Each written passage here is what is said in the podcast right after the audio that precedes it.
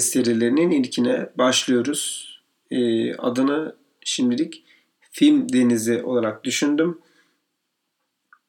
Film Denizi serisinin ilk bölümüyle karşınızdayım. Öncelikle podcast alanına neden geçtiğimle ilgili biraz bir küçük bir açıklama yapmak istiyorum.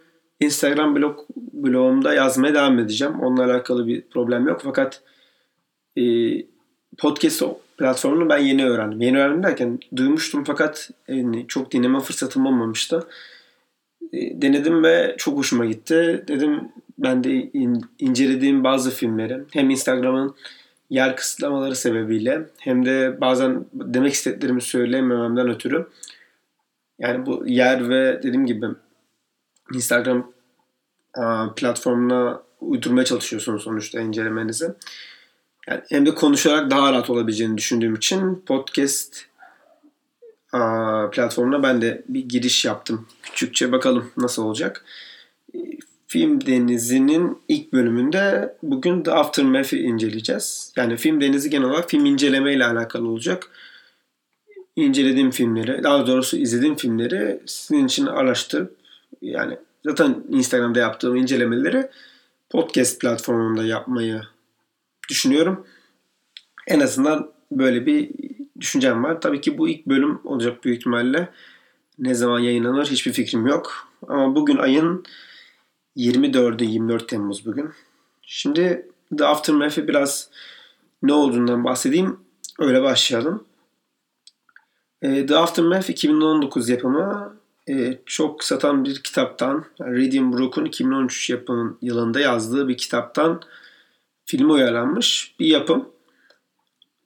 Başrolünde Keira Knightley var. Keira Knightley bildiğiniz üzere Aşk ve Gurur, daha doğrusu onun orijinali e, İngilizce'den orijinal çevirimi Gurur ve Ön Yargı'nın da olsun, Karayip Korsanları'nda olsun, Atonement ya da Kefaret filminde de ya da Enigma filminde de oynamış. Aa, güzel bir oyuncu. Çoğunuz da biliyordur diye tahmin ediyorum. Sonra e, yan rollerde daha çok da Jason Clark ve Alexander Skarsgård var. Skarsgård diye okunduğunu tahmin ediyorum.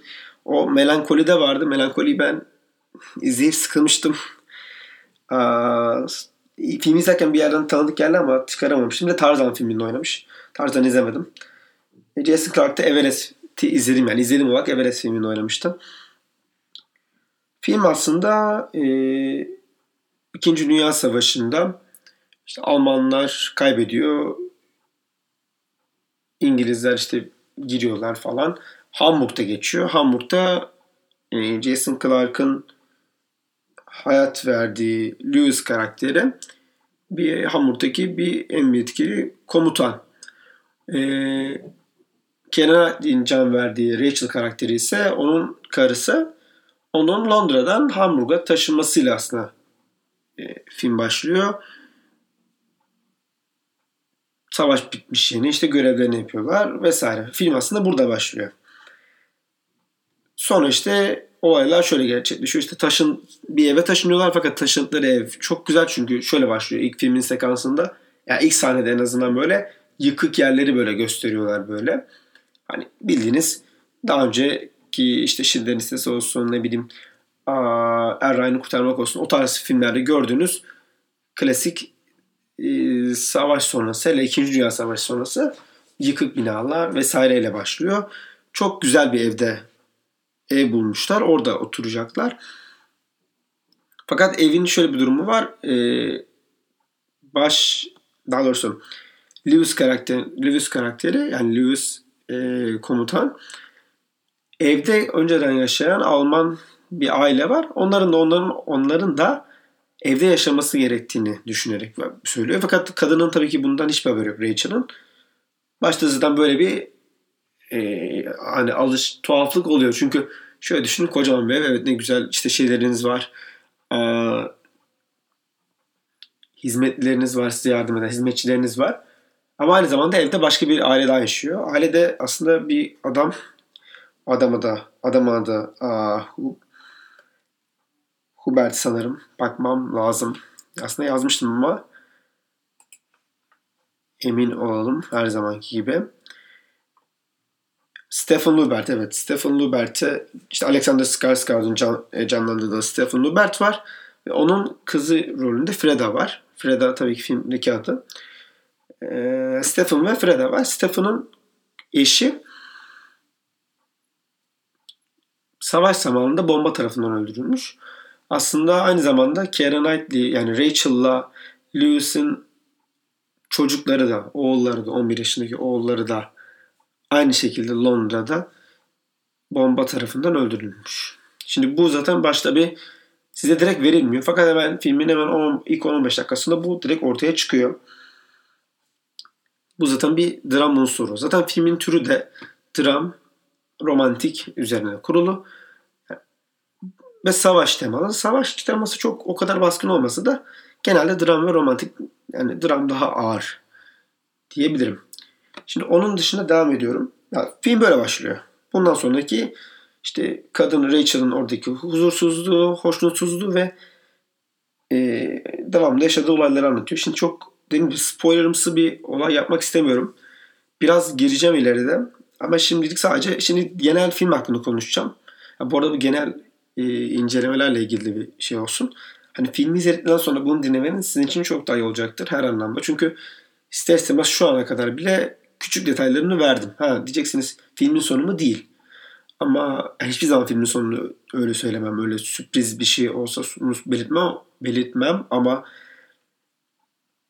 ister istemez e, olayı anlatırken olayı anlatmak için çeşitli e, detayları paylaşmak zorunda kalıyorum. Yani bunları çok dikkat eden biriyseniz e, filmi izlemeden bunu dinlemeniz çok mantıklı olmaz. O yüzden her zaman yani incelemelerim için de bunu söylüyorum. Önce izleyin sonra okuyun ya da dinleyin. E, şimdi olay böyle başlıyor. Şimdi olayı daha girmeden biraz ben atmosferden bahsedeceğim. Yanlış hatırlamıyorsam yönetmenimiz James Kent aynen. James Kent yönetmen. Daha önce bir ben bir filmini izlemedim.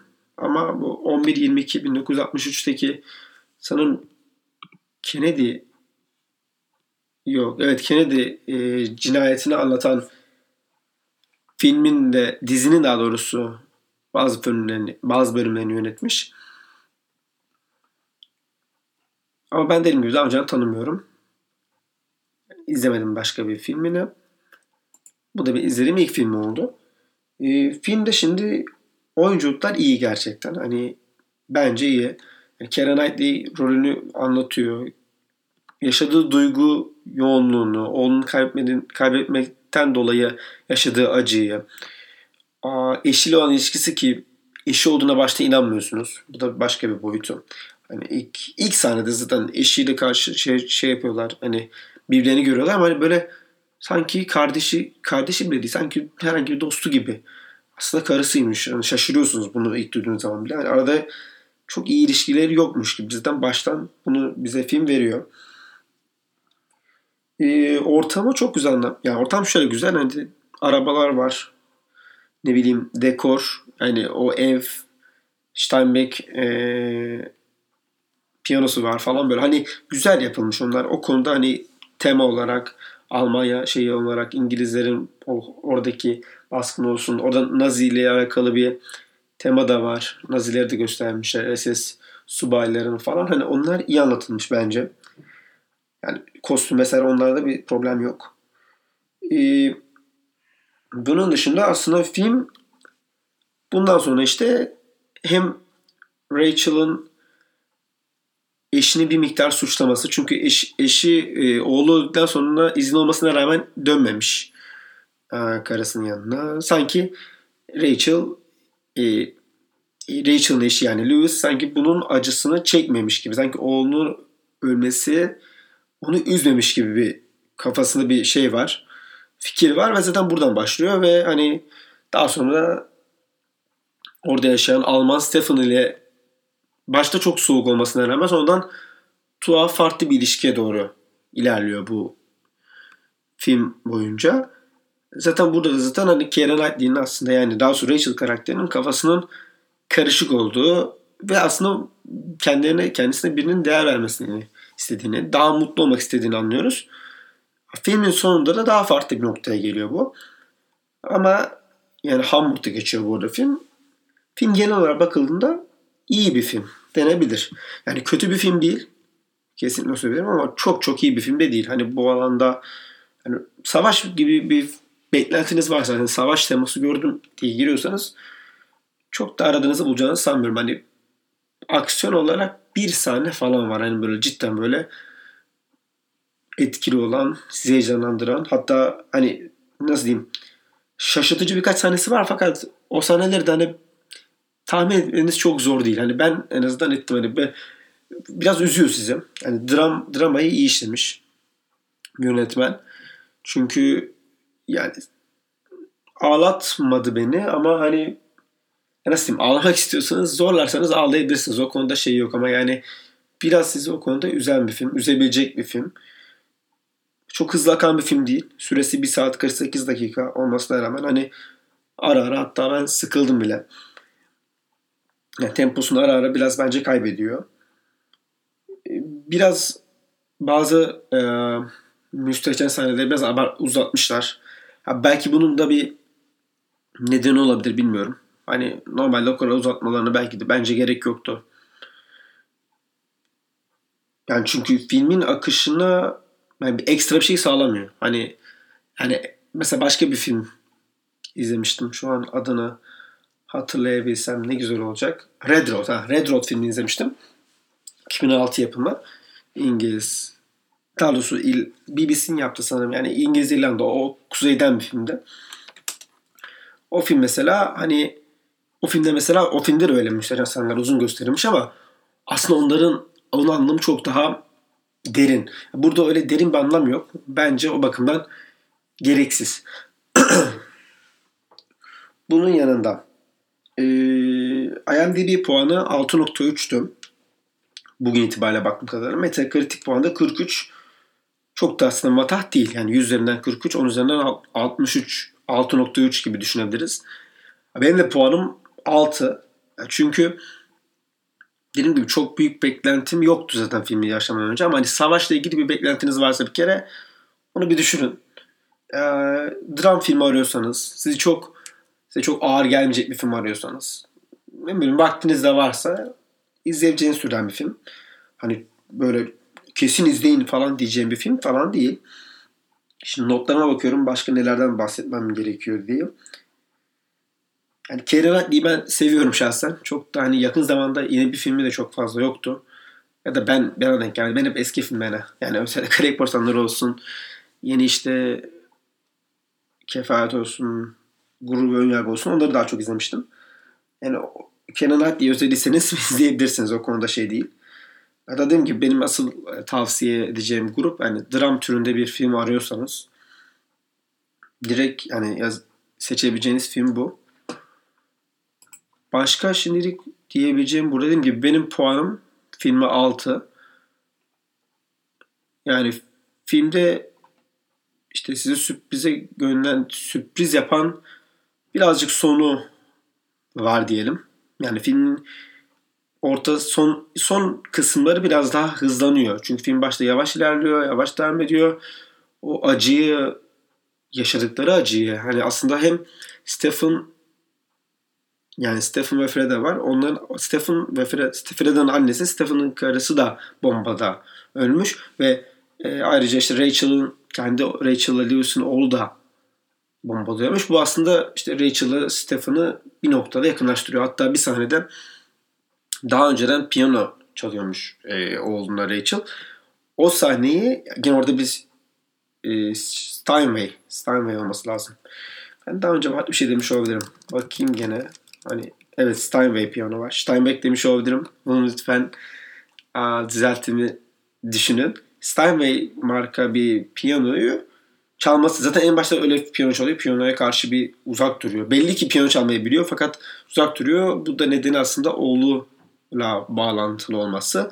Sonra işte Freda ile birlikte çalarken daha doğrusu o çalmaya başladı ve Freda yanına geliyor. Aynı sanki oğluna öğrettiği gibi. Hatta oğluna öğrettiği şarkının oğlunun takıldığı yerde kız takılıyor. Aslında bu çok ya farklı bir, ilginç de orası. Güzel düşünülmüş. Çünkü oğul da yaklaşık o yaşlarda olacak. Sadece burada kız var. Dediğim gibi puanları çok çok aşırı iyi değil. Çok çok kötü değil. E, vaktiniz olursa izleyebileceğiniz türden dram yapımı. Keira Knightley ile. Ben zaten benim asıl izleme nedenim oydu. Aa, bir film tavsiye ediyorum. Ama dediğim gibi öyle hani kesinlikle izleyin falan desem yalan olur. Şimdi benim diyeceklerim bu kadar. İlk podcast böyle oldu. Biraz hatam olabilir. Bilmiyorum. Tekrar etmiş olabilirim. Daha yeniyim, çok yeniyim.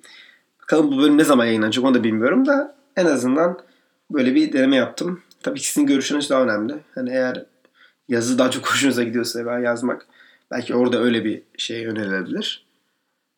Ama şimdilik böyle diyeceklerim.